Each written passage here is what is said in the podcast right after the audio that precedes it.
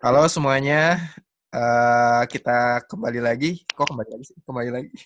kita kembali lagi ke episode podcast. Jadi uh, kita udah kedatangan tamu nih. Ada Royan. Halo Royan. Halo semuanya.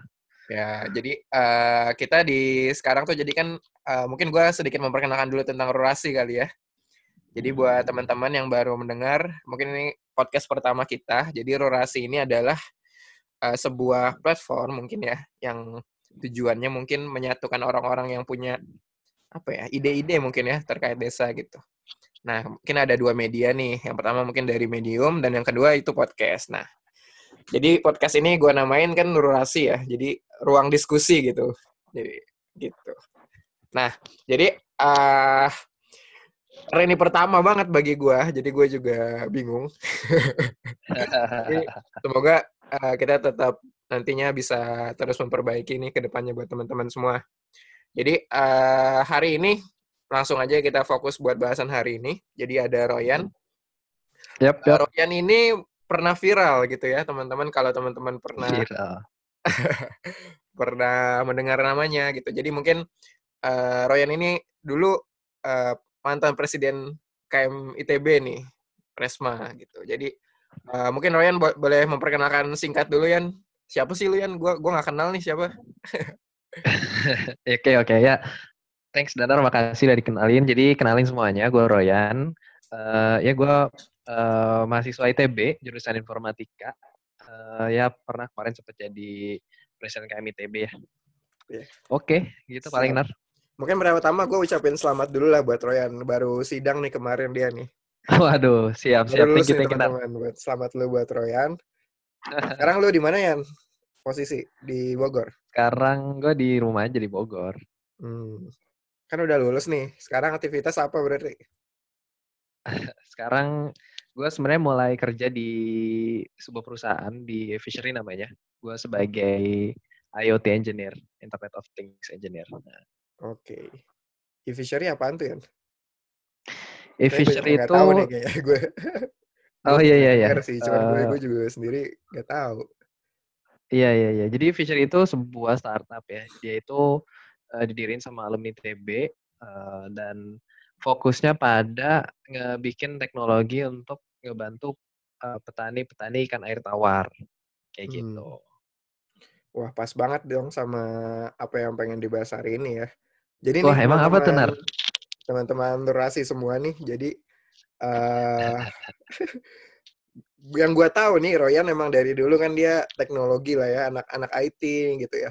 Dulu dia juga sempat sempat mengetuai sebuah acara ya ketika di ITB kan ya tweet ya hmm. teknologi untuk yeah. Indonesia gitu jadi kan nah gue gua gue yakin lu orangnya teknologi banget nih nah gue pengen tahu aja sih sekarang uh, ketika lu di kampus terus mungkin kan banyak ke masyarakat juga banyak ke teknologi nah sekarang kerjanya ternyata di fishery juga nih gitu. uh -uh. Uh, mungkin uh, lo ceritain sedikit dong Yan kalau misalkan fishery itu gimana sih teknologinya dan yang lu berapa nih pengalaman seminggu dua minggu ini gimana di fishery hmm.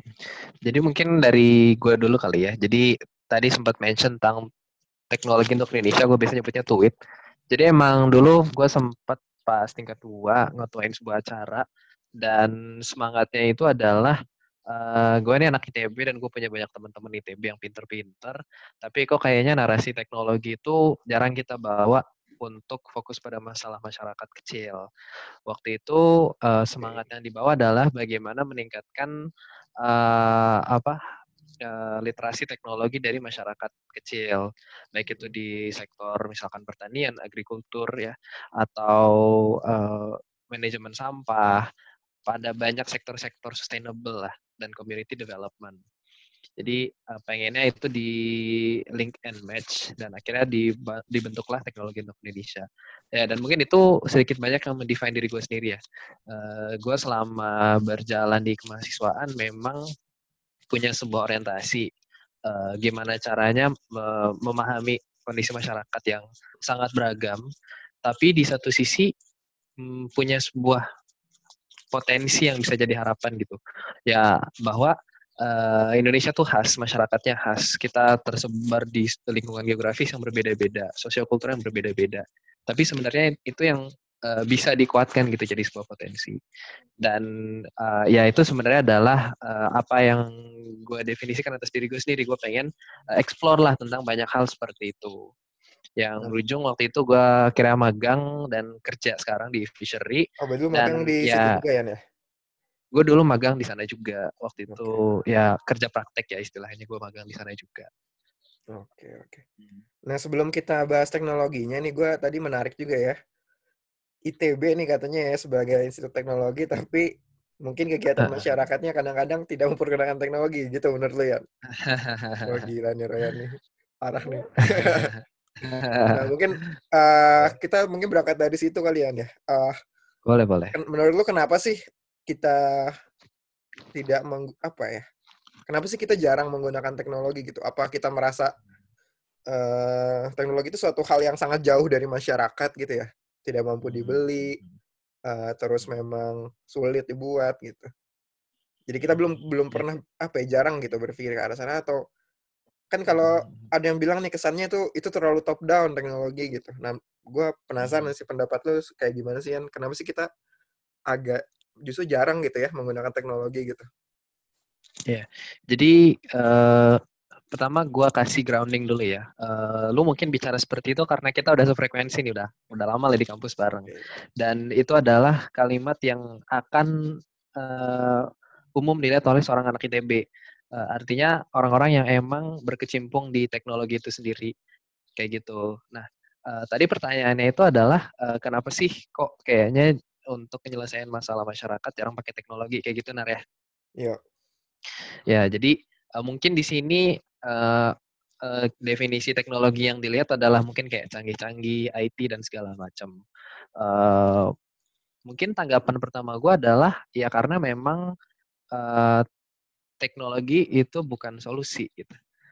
Uh, karena ada juga perspektif orang-orang yang ngerasa kayak bahkan kayak misalkan KKN-KKN di uh, banyak kampus dan lain-lain seolah-olah memaksakan gitu kayak wah teknologi ini harus ada harus didorong harus masuk ke masyarakat terus ujung-ujungnya apa? Ujung-ujungnya cuman buat publikasi cuman buat foto-foto doang.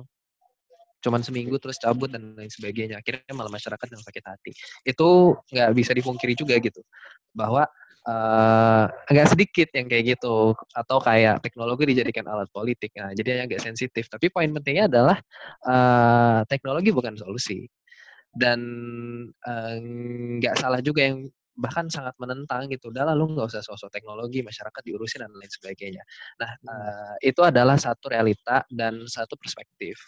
Dengan satu lagi tadi dibandingkan dengan perspektif anak-anak ITB atau uh, mungkin ditarik anak-anak teknik secara umum ya, bahwa memang mereka adalah orang-orang yang capable, uh, punya skill, uh, dikasih pengalaman untuk membuat hal-hal untuk uh, menciptakan ya tadi ya teknologi untuk membuat media-media perangkat-perangkat yang uh, tadi mengefisienkan segala macam.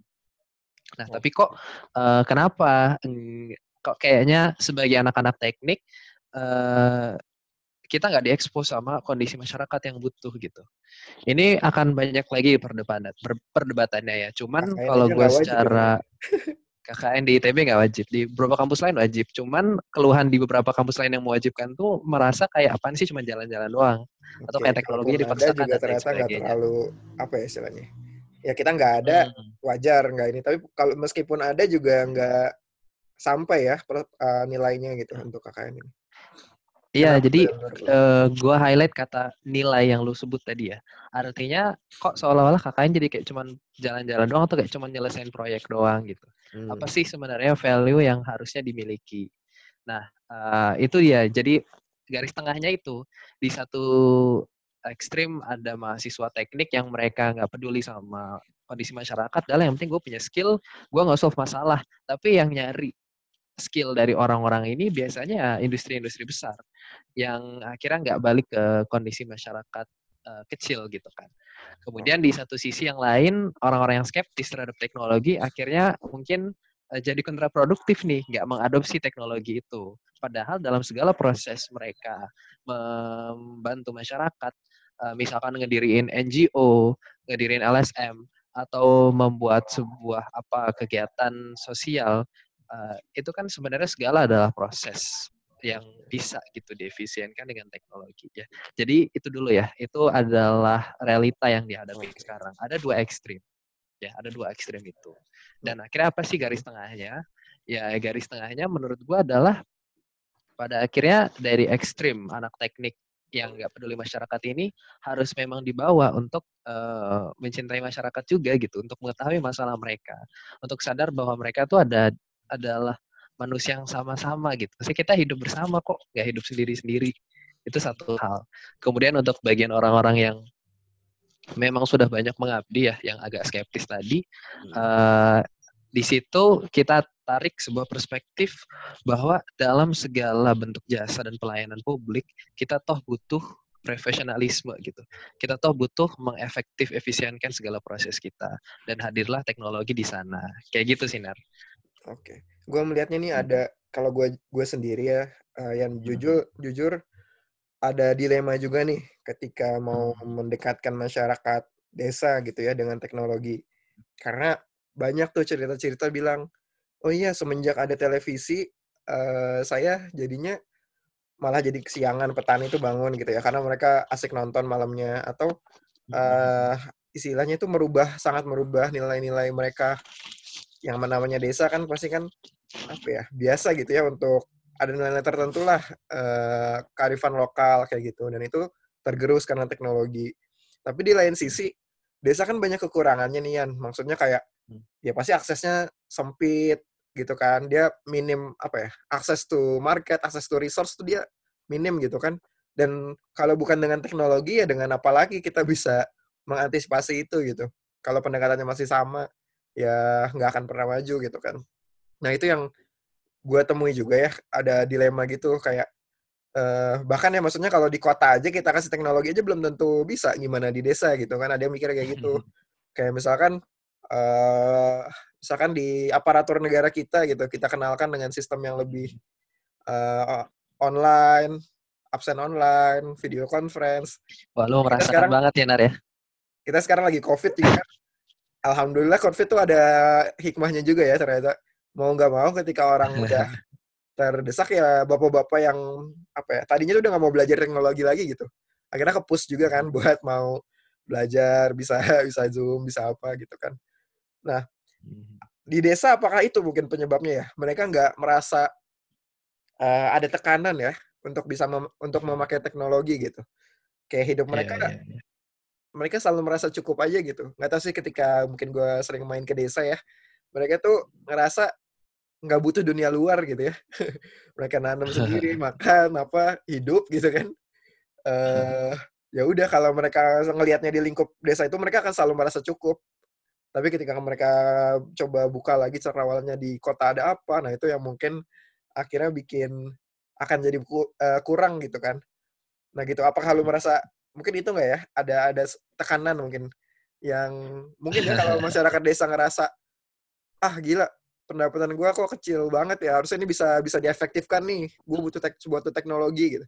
Nah itu aja tuh rasa itu aja tuh nggak nggak belum ada gitu ya. Jadi mereka nggak ya udah kok seharinya kayak gini juga bisa-bisa aja gue nggak mau ngambil resiko deh uh, dengan teknologi. Hmm. atau misalkan ada yang tadinya nanamnya biasa jadi nanam organik itu nggak mau juga gitu. Ah kayaknya nggak perlu organik deh nah menurut lo gimana ya Ya benar benar banget. Jadi pertama gue sih melihatnya gini ya, uh, apa sih teknologi itu secara esens gitu kan? Gue me melihat teknologi itu adalah sebuah pem pemberi derajat kebebasan. Eh, dengan hadirnya teknologi dia meningkatkan derajat kebebasan se seseorang gitu. Derajat kebebasan dalam artian mereka lebih bebas untuk mengakses ilmu pengetahuan, mereka lebih uh, bebas untuk bisa berkomunikasi lintas komunitas, mereka lebih bebas untuk mengakses informasi terkini, kondisi pangan, harga dan lain sebagainya. Tapi di satu sisi sering kali salah kaprah. Akhirnya kebebasannya kebebasan yang kebablasan gitu, bukan sebuah kebebasan yang bertanggung jawab. Dan itu sebenarnya nanti akan sangat banyak masuk kepada faktor soal pemberdayaan masyarakat gitu ya, community development. Baik itu community yang rural maupun yang urban, intinya community development. Karena dalam sebuah komunitas ya teknologi itu nggak terpisahkan dalam kultur mereka gitu cangkul adalah teknologi, tapi YouTube juga adalah teknologi, TV adalah teknologi. Bagaimana kira uh, segala kebiasaan keseharian mereka akan terdisrupt dengan mena dengan bertambahnya derajat kebebasan hidup mereka itu gitu. Dan ketika mereka nggak bisa bertanggung jawab mengkontrol kebebasan yang mereka dapatkan, ya bisa jadi buruk, ya. uh, bisa jadi baik. Ya itu relatif ya kayak gitu. Ya maksudnya kayak misal yeah. banyak cerita-cerita kayak waktu ke desa gitu kan waktu zaman dulu kita bareng juga ke desa uh, apa sih yang jadi idola anak-anak remaja di desa gitu kan ya anak-anak remaja pengennya punya motor gede gitu mereka pengen jadi kayak GGS gitu gantung serigala pengennya apa yang mereka keren lihat, kan gitu akhirnya kan. ya Iya dengan tadi hadirnya televisi lihat dan televisi, dan ya. hadirnya role model lewat sinetron-sinetron yang mereka lihat itu kan sebuah derajat kebebasan tapi apakah itu bertanggung jawab atau tidak ya orang tua nggak aware anak-anak lebih sadar televisi dan lain sebagainya ya itu satu hal ya itu eh, bagaimana sense dari sebuah dari teknologi itu sendiri. Dan yang kedua adalah pada akhirnya ya masyarakat itu hidup dalam sebuah sistem raksasa gitu. Mereka bukanlah kelompok-kelompok uh, kecil yang ter apa ter tertutup dari seluruh dunia sehingga mereka self sustaining enggak tapi mereka adalah bagian kecil dari sistem yang raksasa gitu kan hmm. dan tadi dengan hadirnya teknologi mengakselerasi ekonomi dan mempercepat kemudahan akses pada ini perdebatan ya pemilik modal lah ya pemilik modal kota-kota besar dan lain sebagainya okay. mereka makin mampu menjangkau daerah rural sedangkan di satu sisi daerah ruralnya tidak berkembang dan mereka jadi tadi eh, nggak uh, punya knowledge yang sama untuk mendefend diri mereka secara sustain mendefend komunitas mereka secara sustain. Ya, kira itulah sebenarnya kesadaran yang harusnya dimiliki Jadi oleh ya? kelompok-kelompok ya? kecil Wala, ini. Ya, ekstrimnya gitu ya, ekstrimnya gitu. Dan justru itulah uh, hadir uh, para mungkin pemuda-pemuda ya, para orang-orang yang membawa teknologi dengan idealisme gitu bahwa teknologi itu bukan cuma perpanjangan tangan para orang-orang yang bermodal besar, orang-orang yang pengen terus memperluas uh, kapitalnya dan lain sebagainya, tapi tidak punya hati uh, pada pembangunan komunitas sesamanya gitu. Pada sustainabilitas pengembangan komunitas sesamanya dan hadirlah di situ makanya para pemuda-pemuda yang punya idealisme tadi. Mereka turun ke desa-desa dan melihat desa ini uh, adalah desa petani. Desa ini adalah uh, desa perkebunan, desa ini adalah desa uh, apa kolam ikan air tawar, desa ini adalah desa nelayan gitu. Dan akhirnya seluruh desa ini butuh untuk maju. Tapi maju mereka harus sesuai dengan konteks mereka. Oh, desa nelayan harus di uh, dimajukan nih kepahamannya soal pernelayanan sehingga ekonomi mereka lebih baik. Ketika ekonominya lebih baik, mereka lebih kepo untuk tahu teknologi. Nah, jadi prosesnya dibalik, nggak teknologi yang paksa masuk, tapi hmm. bagaimana memang orang-orang ini hidup lebih baik dulu sehingga mereka uh, punya motivasi untuk belajar dan meningkatkan taraf hidupnya lebih baik lagi. Kayak gitu sih Nar. Oke. Sebenarnya mungkin yang gue lihat kadang-kadang nih di desa tuh sesederhana butuh contoh. Kayak misalkan nih, oh itu rumah di ada di desa nih kayak misalkan ada rumahnya udah tingkat dua gitu udah bagus. Emang dia kerjanya apa sih gitu?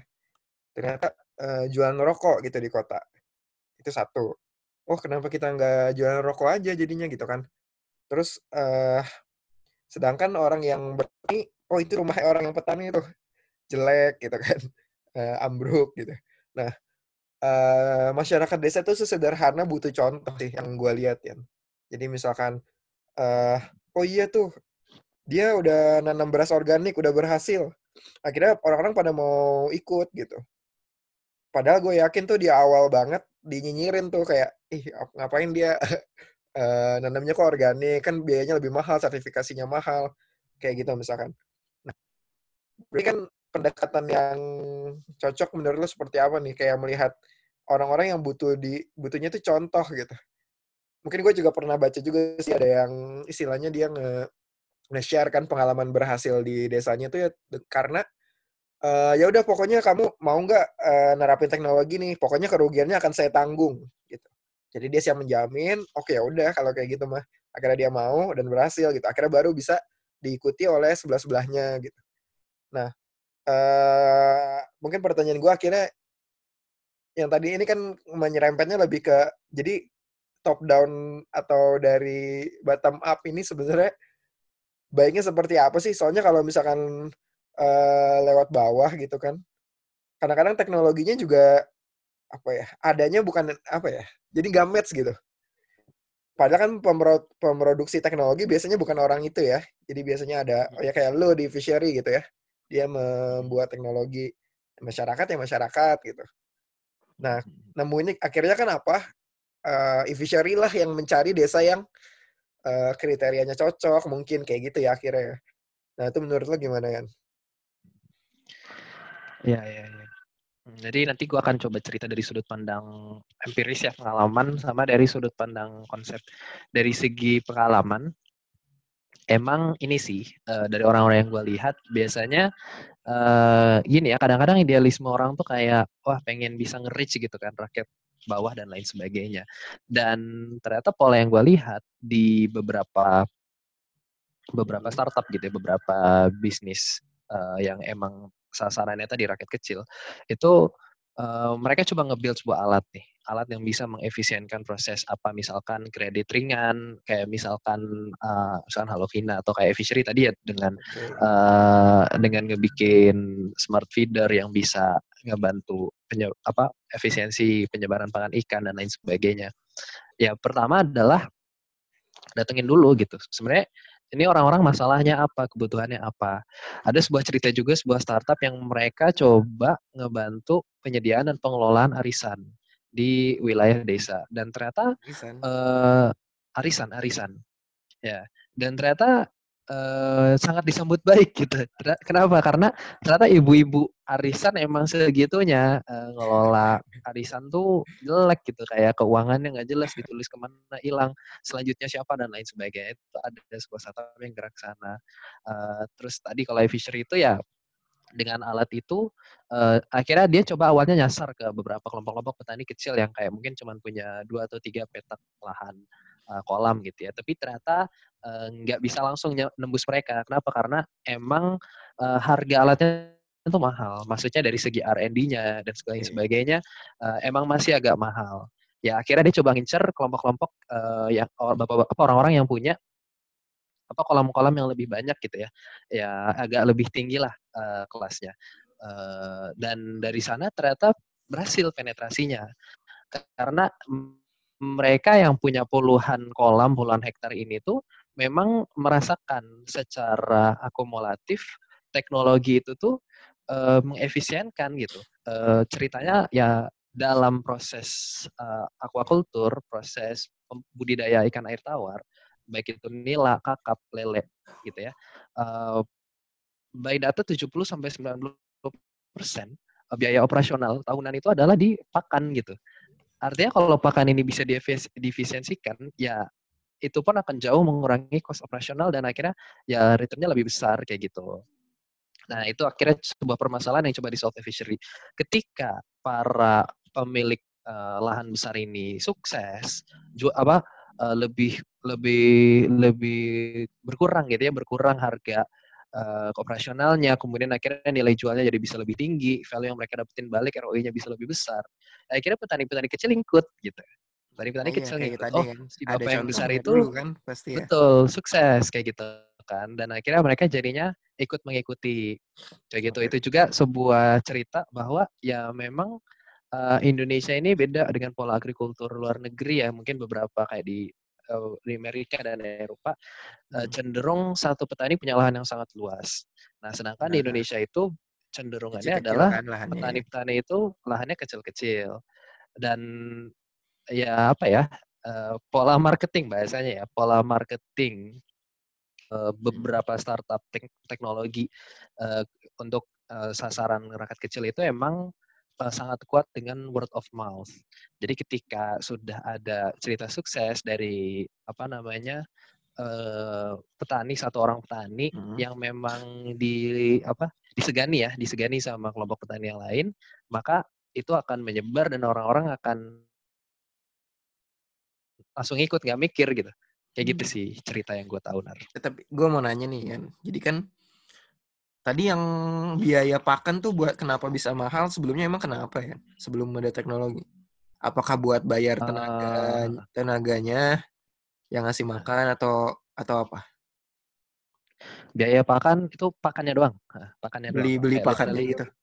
pakannya doang, makanannya doang. Kayak butir-butir eh, makanan untuk ikan itu tuh ya gitu doang.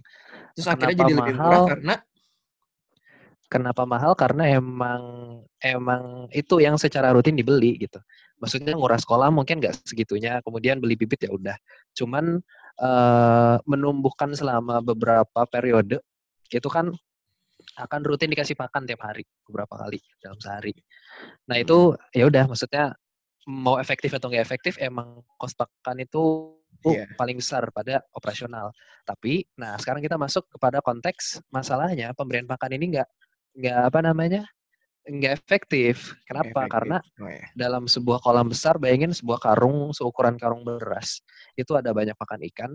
Eh, pemberiannya itu sekaligus. kan ini kolam tuh ada puluhan gitu kan nyebar di mana-mana. Dan biasanya tuh di setiap kolam tuh punya kayak satu gudang pakan sendiri untuk beberapa kolam. Di kelompok kelo- kolam yang lain untuk satu pemilik yang sama ada satu gudang pakan lagi. Nah, nanti itu akan disebar satu orang eh, apa namanya pengurus kolam tuh akan kayak ngambil terus nah itu nyebarnya bisa suka-suka, bisa di bisa dihambur satu kolam langsung ber semua habisin satu satu karung Hmm. Eh, dan pada akhirnya eh, tumbuhnya ikan itu nggak linear dengan pemberian pakan. Eh, ketika udah sampai pada titik optimum, semakin banyak kasih pakan tuh eh, pertambahan berat ikan ya sebagai value jualnya itu akan melambat gitu. Bahkan ada sebuah cerita bahwa kalau ikan lele dikasih kebanyakan pakan, ikannya akan meledak karena Oh. pakan itu nyerap air. Dan Oh, ketika iya, udah iya. terlalu banyak pakan di dalam, pas dia nyerap, ikannya meletus perutnya karena saking banyaknya gitu. Oke. Ya, atau bahkan cerita-cerita lain kayak misalkan petani apa eh, si yang ditugasin buat ngasih makan itu ngedikitin misalkan pakannya berapa dan akhirnya eh, nggak merata kan gitu. Dan kemudian juga misalkan masalah nyebarnya itu cuma di satu titik, akhirnya ada ada banyak ikan-ikan lain yang nggak dapat jumlah pakan yang sama. Nah itu kan banyak ya faktornya. Jadi kayak dari segi seberapa integritas si pemberi pakannya, kemudian efisiensi tebarnya, kemudian mengetahui udah sampai optimum kenyangnya atau belum pada waktu pemberian pakan itu. Nah, akhirnya hal-hal tersebutlah yang coba di acquire sebagai knowledge oleh di fishery untuk mengetahui sebenarnya yang paling efisien itu berapa dan mereka mengotomasi itu dengan tadi smart feeder gitu sih. Tapi mungkin yang gue pengen sebenarnya tanya tuh, eh, lu sepakat nggak bahwa teknologi itu kan sebenarnya kita lihat tadi dari segi potensi terus nih. Tapi sebenarnya ancaman bagi tenaga kerja gitu, SDM yang eh, apa ya, intelektualitasnya rendah lah. Kayak misalkan tadinya eh, jalan tol gitu ya, jalan tol. Tadinya eh, setiap pin jalan tol dia punya tiga tenaga kerja yang untuk ini loh apa bayar-bayar gitu kan. Tapi sekarang semenjak otomatisasi kan berarti udah tuh nggak ada orang di gerbang tol. Mungkin hanya butuh satu mekanik buat uh, controlling alatnya gitu kan. Nah, begitupun di desa nih. Misalkan kita kasih teknologi yang mempermudah mereka gitu. Tapi kan dalam artian itu mempermudah itu atau mengurangi biaya produksi adalah dengan memecat orang-orang itu gitu kan. Ya nggak, benar nggak? Kayak gitu nggak? Lu karena itu gue gue melihatnya teknologi ini sebagai nggak bisa dia sebagai additional kadang-kadang ya. Dia harus substitute, harus mengganti apa yang sudah ada gitu. Nah ini yang makanya Iya, iya, iya. untuk meru- mengganti itu tuh petani mikir-mikir banget gitu. Karena ketika dia mengganti, berarti kan ada ada yang dikorbankan dulu juga untuk untuk bisa teknologi bisa masuk gitu. Nah itu eh, apa ya istilahnya? Ya kan yang tadi misalkan eh, tadinya dia untuk ngasih makan butuh tiga tiga orang gitu per kolam gitu. Sekarang udah otomatisasi mah mereka ngapain berarti? Maksud gue ketika Iya, mereka iya, nggak dipecat, si orang-orang ini tidak dipecat atau digantikan, gitu, kasarnya dipecat lah ya, ya biaya produksinya tetap segitu-segitu aja gitu kan. Tapi dengan oh iya nih tiga orang dengan tadinya gue bisa menggaji tiga orang, sekarang gue nggak usah pakai orang itu, gue tinggal maintain alat ini gitu. Nah, menurut lu yang lu lihat teknologi sebagai ancaman tuh yang yang lu temui kayak gimana sih? Iya, iya, iya. Ya, pertama teknologi sebagai ancaman itu adalah sebuah narasi yang udah tua banget ya. Maksudnya eh, kalau sekarang kita lagi ramai artificial intelligence, artificial intelligence tuh udah jadi udah jadi headline sejak tahun 1980 gitu. Dengan narasi yang sama, ngabisin apa namanya? eh eh, pekerjaan dan lain sebagainya. uh, maksudnya kalau gue tarik ke sejarah secara se, secara simple gitu ya itu adalah suatu yang akan terus dipropagandakan gitu. Benar atau salah itu relatif gitu. Karena uh, gue nggak bilang gue pro banget sama otomasi tapi gue juga nggak bilang gue nggak pro sama kemajuan teknologi. Harus ada titik kita tengah kan pernah viral ya yang nggak sini iya. Apa lupa gue tulisannya? Ingat kan lu masih Iya, apa? uh, tentang robot gitu kan, tentang robot, tentang asing gitu kan. Itu benar, itu benar.